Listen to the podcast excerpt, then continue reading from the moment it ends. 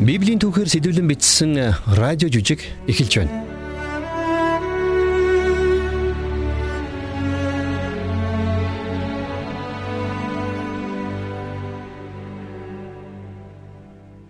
Өнөөдөр бид Диважингийн найдвар цоврал жүжигээрээ Библийн 1-р Тесалоникийн 4-р бүлэг болон Илчлэл номын 21-с 22 дугаар бүлгээс сэтвэлсэн Диважингийн Илчлэлт гэсэн нэртэй радио жүжигийг хүлээн авч сонсох гэж байна. Христэд итгэдэггүй Анжела өөрийн Христ итгэлт найз Жулиатагаа өнгөрсөн 7 хоногт зах дээр таарсан шүү дээ. Анжелагийн ээж нь саяхан өөд болсон учраас Анжела уйтгар гунигт автсан байсан. Эдгээр Анжелагийн ээж нь итгэгч хүн байсан боловч Анжела ээжийнхээ бурханд итгэх итгэлийг юусэн ойлгодгүй байсан. Ээжийнхээ гэрийг цэвэрлэж байгаад Анжела нэгэн Библи олж уншиж үзсэн боловч юусэн ойлгоогүй. Тэгээд найз Жулиага Христэд итгэдэг гэдгийг мэдэх Анжела аргаа баран Жулиатай уулзсан. Ээжийнх нь үхэл төгсгөл биш гэдэгт итгэхийг тэр маш их хүссэн байна. За нөгөөтэйгөр Анжела өөрийнхөө ирээдүйн төлөө санаа зовж байсан хэрэг. Өнгөрсөн 7 хоногт Жулия Анжелад ээж нь одоо Диважинд Есүстэй хамт байгаа гэдгийг батлан хэлж өгдөг. Есүс Христийг аврагчаа эзнээ болгон хүлээн авсан хүн нэг бүр Диважинд очих болно гэдгийг тайлбарлаж өгсөн. Тэд нар мөнхийн мөнхөд бурхныг алдаршуулж бидний төсөөлж чадхаас ч илүү гайхамшигтай баяр хөөртэй амьдралаар амьдрах болно гэдгийг хэлж өгсөн шүү дээ. За харин өнөөдөр Жулия Анжелад Есүс үхлээс 3 хоногийн дараа дахин амьдсан тухай. За бас Христэд итгэгч бүх хүмүүс хожимын нэг өдөр алдрын биеийг хүлээн авах болно гэдгийг тайлбарлаж өгөх гэж байна. За бас Диважингийн талаар илүү дэлгэрэнгүй ярьж өгөх болно. За ингээд Жулия найз Анжелитагаа уулзсан хоёр дахь уулзалтын тухай Диважингийн илчлэлт гэсэн нэртэй шин дугаарыг хамтдаа шимтэн сонсцгоё.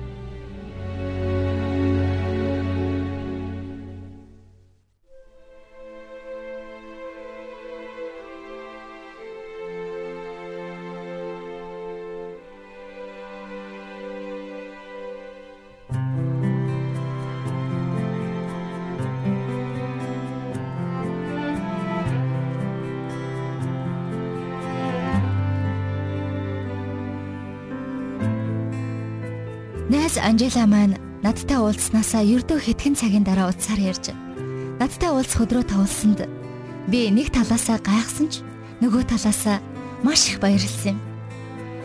Найз маань Деважингийн талаар илүү дэлгэрэнгүй мэдхийг хүсснээс гадна ээжигээ гарцаагүй тэнд байгаа эсхийг илүү баттай мэдхийг хүссэн тэр юм. Хэдийгээр найз маань уй гашууд автсан байсан ч анх уулзахдаа үгч хэлж чадахгүй уйлж байснаа ботход хавгүй дээрдэжээ. Нөгөөтэйгөр найз маань өөрийнхөө сүнслэг байдлын талаарч сонирхож байгаа нь анзаарэгдсэн юм. Ингээд бид анх уулзсан тэр захынхаа дэргэд дахиад уулзахаар тохирсон билээ.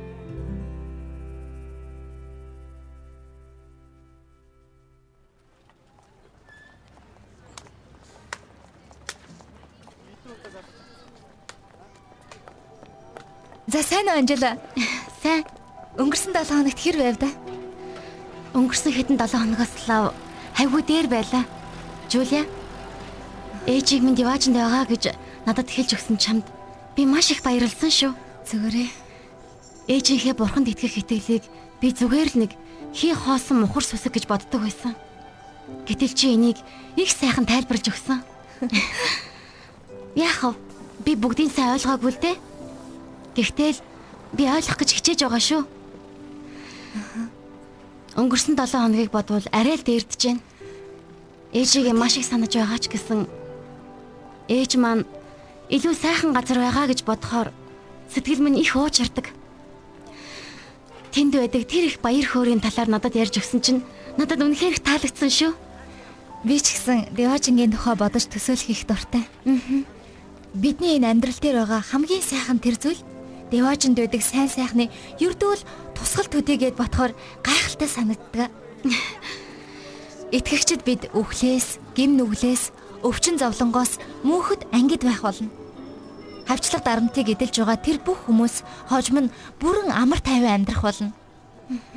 Бүх овг ард түмэн болон үндэснүүдээс тэнд очисон хүмүүс бүгд төгс ив нэгдэл дотор байх болно. Сайхан сонсогдож байна шүү. Харин тийм ээ Анжела. Төгс бурхантайгаа хамт төгс яваачнд байна гэд боддоо. Бас тэнд байх хүн бүхэн төгс байх болно. Яагад гэвэл Есүс загалмаа дээр үхээд 3 хоногийн дараа үхлээс амьлахдаа бидний төлөх ёстой байсан тэр бүх төлөөсийг төлсөн. Есүс загалмай дээр нас орчхаад үхлээс амьсан гэж үдээ. Нэрээ юу? Нэрээ байлгүй яах вэ? Есүсийг үхлээс амьсан өдрөөс Тэнгэр өөд одох хүртэл 40 хоногийн туршид дагалдагч нар нь болон өөр олон тооны хүмүүс Есүсийг олон удаа харсан байдгийг. Аа? Харин тий Есүс бидний төлөө амиа золиос болгон өгснөрөө нүглийг бас үхлийг ялсан. Есүс үхлээс амьснараа бидэнд амиллын алдрын биеийн найдварыг өгсөн юм. Гэхдээ Жулия бид нар ээжийнхээ цогцыг оршуулчихсан шүү дээ. Тийм ээ тийм Анжела. Гэхдээ Есүс энэ дэлхийгээс явхдаа эргэн ирж дагалдагч нараа тэнгэр дэх гэрлүүн авч явах болно гэж амласан байдгийн. За байж байгаарай. Гэхдээ чи манай ээжийг деваачнд байгаа гэж хэлсэн биз дээ. Би ерөөс ойлгохоо байчлаа. Нэг л ойлгомжгүй болоо явчлаа. Ээж чинь деваачнд байгаа. Гэхдээ Есүс хожим нэг өдөр энэ дэлхий дээр дахин ирж энэ дэлхий дээрх бүх дагалдагч нараа цуглуулах болно. Найдсан чамд бүр илүү ойлгогдохоор тайлбарлаад өгье. За, зааж гараа. Энэ Библи дандаа л цүнхний мухард орчиход байх юм. Өөй нэ. За. Тесалоникийн чуулганы итгэгчдэд Паул ингэж бичсэн байгаа юм.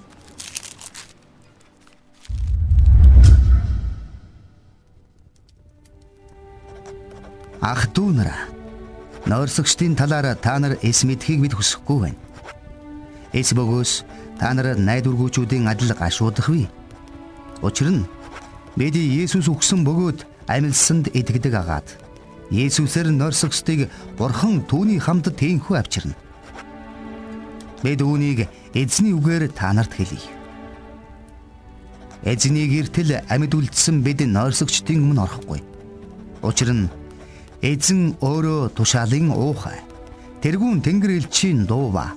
Бурхны бүрээнээр тэнгэрээс бууж ирнэ. Тэгээд Христ дотор үхэгсэд эхлээд амилна. Дараа нь амьд үлдсэн бид тэдэнтэй хамт агаарт эзэнтэй уулзахаар үүлэн дунд өргөгдөж Тээнхүү эзэнтэй үргэлж хамт байх болно. Тиймээс эдгээр үгсээр бие биенээ тайвшруул.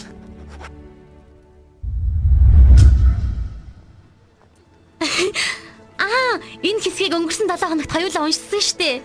Ой сайтай шүү Анжела. Чи хэлж байгаа утгыг бүгдийг ойлгож байна уу? Гүй ээ. Сайн ойлгохгүй л байна л да. Паул энд хэлэхдээ Есүс хожим энэ дэлхий дээр дахин ирээд дэлхий дээр байгаа болон деваачнд байгаа бүх итгэгчтэй өөртөөгөө мөнхөд хамт байлгахаар авч явах болно гэж хэлсэн байна. Аа. Есүс бүх итгэгчдийг деваачнд руу авч явахад тэдний бие махбод нь Бурханаас өгөгдсөн тэр төгс байдлаар дахин шинжлэхдэх болно. Бидний сул дорой бие махбодыг Бурхан анх энэ дэлхийд гим нүгэл орж ирэхээс өмнө ямар байсан тэр төгс хэлбрээр нь өөрчилж өгөх болно. Гоёгоц. Арх тамхинд донтдог байсан хүн арх тамхиг жигшиж, үлгөө нэгэн нь явж, бүжиглж сэтгэл санааны хямралтай байсан хүн амар тайван болно гэсэн үг. Аа, тэгвэл Манай ээжийн би ч бас өөрчлөгдөн гэсэн үг үү? Тэгэлгүй яах вэ Анжела? Өөрт нь ямар байсан тэрнээсээ ч илүү эрүүл саруул байх болно. Бас цаашид хизээч толгоо нүвдэж, гидсэн хямарч өөр ямар нэгэн өвчин тусахгүй гэд боддоо. Паул энэ талаар өөр юу гэж хэлсэн бэ гэхээр бас ингэж хэлсэн байна.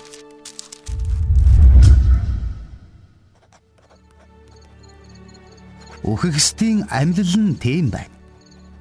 Энэ нь муудах байдалд ороо таригдж үл муудах байдалд ор амьлуулагдана. Энэ нь үл хүндлэлд ор таригдж алдар дор амьлуулагдана. Энэ нь мөхөс байдалд ор таригдж хүчит ор амьлуулагдана. Энэ нь төрлөх биеэр таригдж сүнслэг биеэр амьлуулагдана. Төрлөх бие байдаг бол сүнслэг бие ч мөн байгаа. Харагтун. Би та нарт нэгэн нууцыг хэлье. бид бүгдээрээ нойрсохгүй. Харин бүгдээрээ өөрчлөгдөх болно. Ингэхдээ нүд ирмэхийн зур нэг агшинд сүүлчийн бүрээнээр.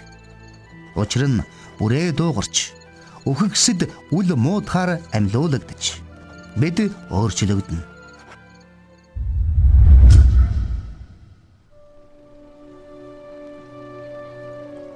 Паул одоогийн бие махбод болон тэр ирээдүйн шин бие махбод хоёрын ялгааг энд нилээд сайн хэлсэн байх шиг байх юм. Яг зөв. Авгалдаа байжгаад ирвэхэ болдогтой л адилхан гэсэн үг шүү дээ. Аха. Есүс дорд биеийн маань өөрийнхөө цог жавхланд биетэй адил болгон өөрчлөнө. Бас түүнийг илчлэгдэхэд бид түүнтэй адил болно гэж Библиэлд бичсэн байдгийг. Тэгвэл ээж минь сүнс шиг биетэй болно гэсэн үг үү? Үгүй дээ. Хаалга гэжтэй Анжела. Ээж чинь тэр амьллын алдрын биеийг авах болно. Аа, Аха. Есүс нас бараад 3 хоногийн дараа өглөөс дахин амьлахдаа сүнс шиг биетэй байгаагүй шүү дээ. Аа. Есүсийг амьсны дараа хоёр дагалдагч нь Есүстэй уулзаад тэгээд бусаддаа энэ тухайга яриа зогсож байсан чинь Есүс гинт дунд нь ороод ирдэг. Тэгээд Есүс юу гэж хэлсэн бэ гэхээр Би үнэн гэж хэлээ үсттэй. Би бүр хоёр нүдэрээ харсан. Бид хоёр бүр Есүстэй хамт алхаж хоол идсэн шүү дээ. Ийм байж болох уу? Бид Хоёр зүүдэлсэн байхаа. Гүй гүй. Бид хоёр Есүстэй бүр хамт алхсан. Нэг хоол идсэн. Амар амгалан нь та нарт байх болтугай. Та нар юунд сандарч зүрхэнд чинь эргэлзээ төрнө вэ? Миний гар, миний хөлийг хараач. Эн чинь би өөрөө байна. Надад гараа хүргээд үз. Учир нь сүнсэнд та нарын харж байгаа над шиг ясмах байдаггүй юм. Хатаасны ормын хатаас биш байна. Хатаас сүнсийн харалтаа. мөн бай. Яаж орж ирвэ шээ? Тэр үнхээр амьд юм байна. Та нарт идэх юм байна уу?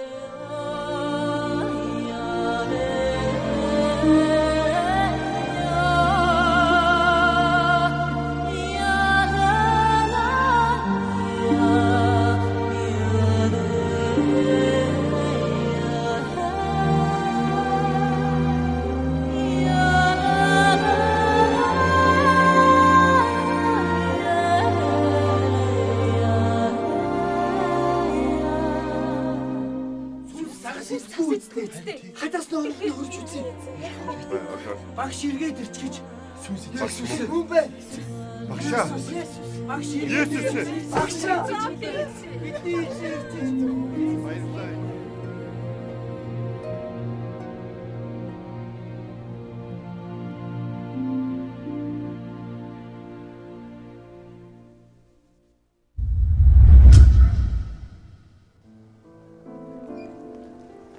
Есүсийн дагалдагч нар нь ч бас Есүсийг сүнс гэж батсан байгааз. Гэхдээ Есүс өөрийгөө сүнс биш гэдгийг хангалттай нотолсон. Есүс амьлаад алдрын биетэйгээ зогсож байсан тэр шүү дээ. тэгвэл ээж маань нэг л өдөр Есүс шиг алдрын биетэй болно гэсэн үг үү? Тэгэлгүй яах вэ? Тэгээд ч зогсохгүй. Бүх бүтээлүүд өөрчлөгдөж Бурхны анхны тэр төлөвлөгөөний дагуу шинчлэгдэнэ. Иесусийн өөр нэг дагалдагч Йохан гэж хүн итгэлээсээ болоод Патм арал дээр цөлөгдсөн байгаа юм. Иесус тэнд Йоханд үзэгдэл үзүүлж тэр үзэгдлээрээ дамжуулаад хавчлаганд өртсөн бүх итгэгчдэд урам зориг өгсөн байдгийн. Тэр үзэгдэлт нь бас шин тэнгэр газрын тухай гардаг.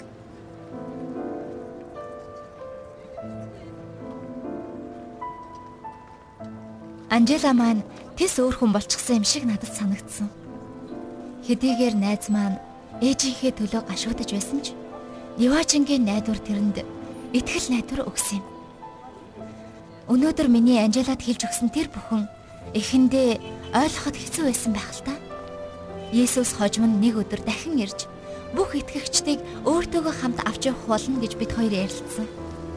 Тэр цагт өгсөн амьд бүх итгэгчид цоо шин алдрын биеийг үхлээс амилсан Есүсийн биетэй адилхан тийм биеийг Бурханаас авах болно.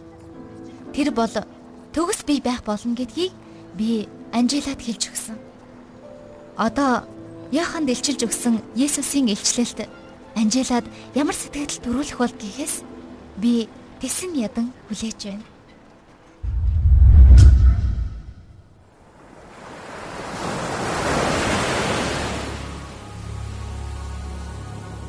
Таны надад харуулсан бүхнийг тодорхойгоор буулгахын тулд намайг та удирдаач эзэн Есүс ээ. Би шин тэнгэр, шин газрыг харлаа. Учир нь анхны тэнгэр, анхны газар нь өнгөрөн удаж тэнгис үгүй болов. Ариун хот, шин Иерусалим нь нөхөртөө зориулан гойсон сүйт бүсгүй мэт бэлтгэгдэн бурхнаас гарч тэнгэрээс буун эрхийг би харлаа. Синтинээс гарах чанга дууг би сонсов. Харагтун бурхны асар хүмүүсийн дунд байна. Тэр тэдний дунд нутаглах болно. Тэд түүний ард түмэн болж бурхан өөрөө тэдний дунд байж бурхан нь болно. Тэр тэдний нүднээс нулимс бүрийн арчина. Тэнд цаашид үхэл гэж байхгүй. Гашуудах, уйлах, өвдөх гэж үгүй болно. Учир нь анхны юмс өнгөрөн ходжээ. Харагтун би бүх юмсыг шинэ болгож байна. Бичихтэн эдгээр үс итгэмжит бөгөөд үнэн боллоо. Би бол альфа ба омега эхлэл ба төгсгөл. Цангасан нэгэнд би амийн усны булгаас үнгүй өгнө. Ялагч нь үнийг өвлөх бөгөөд би түүний бурхан болж тэр миний хүү болно.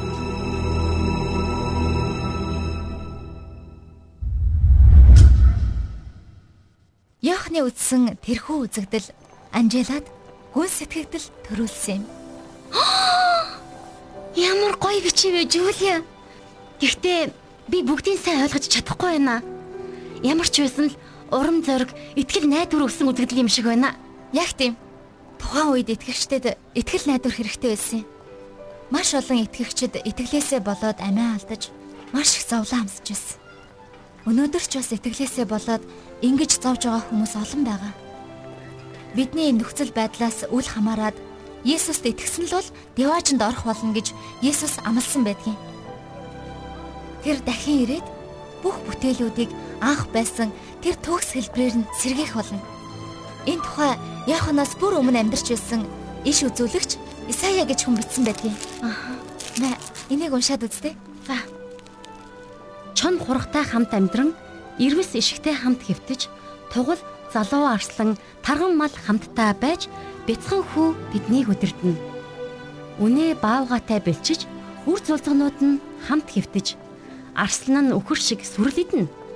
Нял хүүхдүүд наж могоон нүхний дэргэд тоглоно Балчир хүүхэд хорт могоон өрөнд гараа хийн.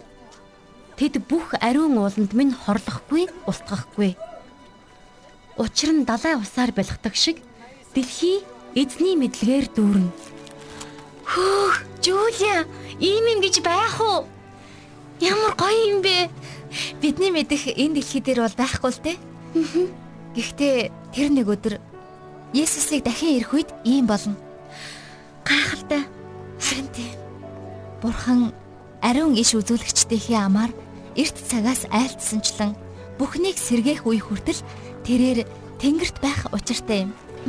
Тэгээд дараа Есүс энэ дэлхийн бузар муу бүхнийг галаар цэвэршүүлэх болно. Галаараа. Тийм ээ, галаар. Библиэлд бичгтээ. Гэвч эзний өдөр хулгайч мэт ирэх болно.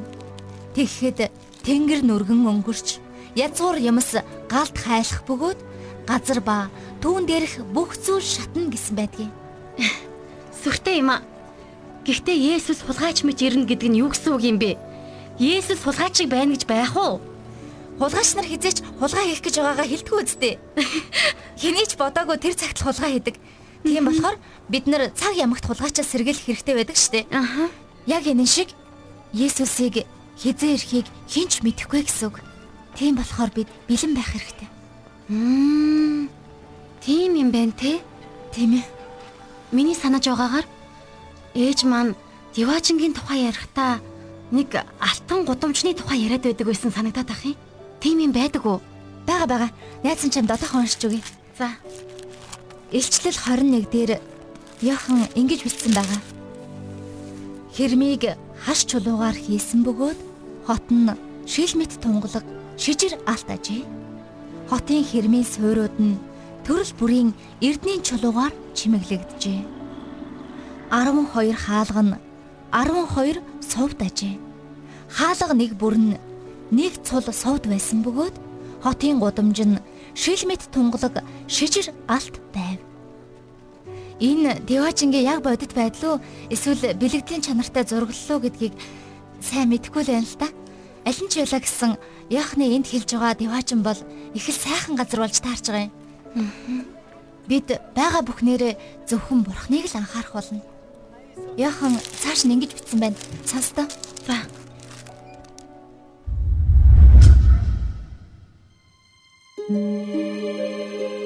Түүнд бурхны алдар байлаа.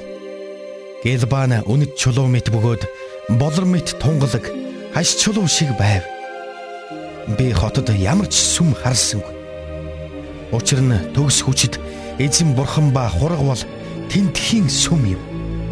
Хотод гэрэлтүүлэх нар сар хэрэггүй ажээ. Учир нь бурханы цог жавхлан түүнийг гэрэлтүүлэх бөгөөд дэнлүүн хураг байлаа.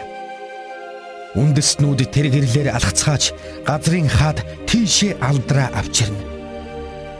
Хотын хаалганууд өдөр хизээч хаагдахгүй. Учир нь тэнд шүн гэж үгүй. Тэд үндэстнүүдийн алдар хүндлэлийг тийш авчирна. Альва бузар ба жигшүүрт зүйл үйлдэгсэд худал хуурмаг нь хизээч тийшээ орохгүй. Харин зөвхөн хурганы амийн номонд нэрсэн бичигдэгсэд л орох аж ахуй.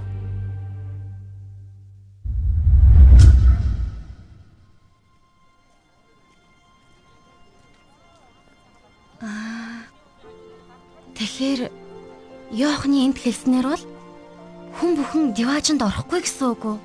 Тийм ээ. Бүх хүн орохгүй. Тэгвэл тэр хурганы амийн ном гэдэг нь юу юм бэ? Аа, хург гэдэг нь бидний гим нүглийн уучлалын төлөө амиа өгсөн Есүсийг хэлж байгаа юм.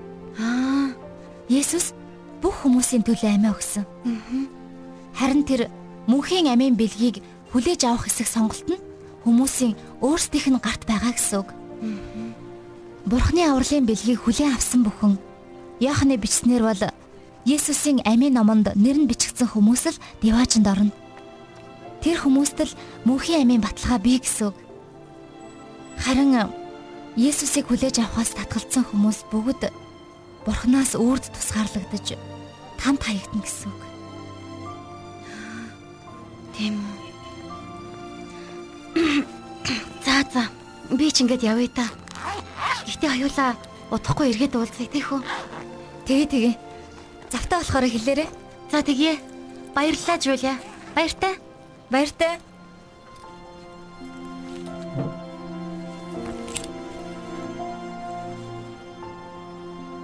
Анжела маань ээжийнхээ хойноос биш харин өөрийнхөө төлөө санаа зовж ирсэн нь энэ. Найз маань деваачин байдаг гэдгийг хүлээн зөвшөөрсөн ч нас барсан хүн болгон тийшээ шууд очтгүй болохыг бас ойлгосон юм. Хэрвээ өөрөө Есүсийг аврагчаа болгон хүлээж авахгүй бол өөрөө ч бас тийшээ орж чадахгүй юм биш үү гэсэн бодол тэрний дотор төрөх шиг надад санагдсан.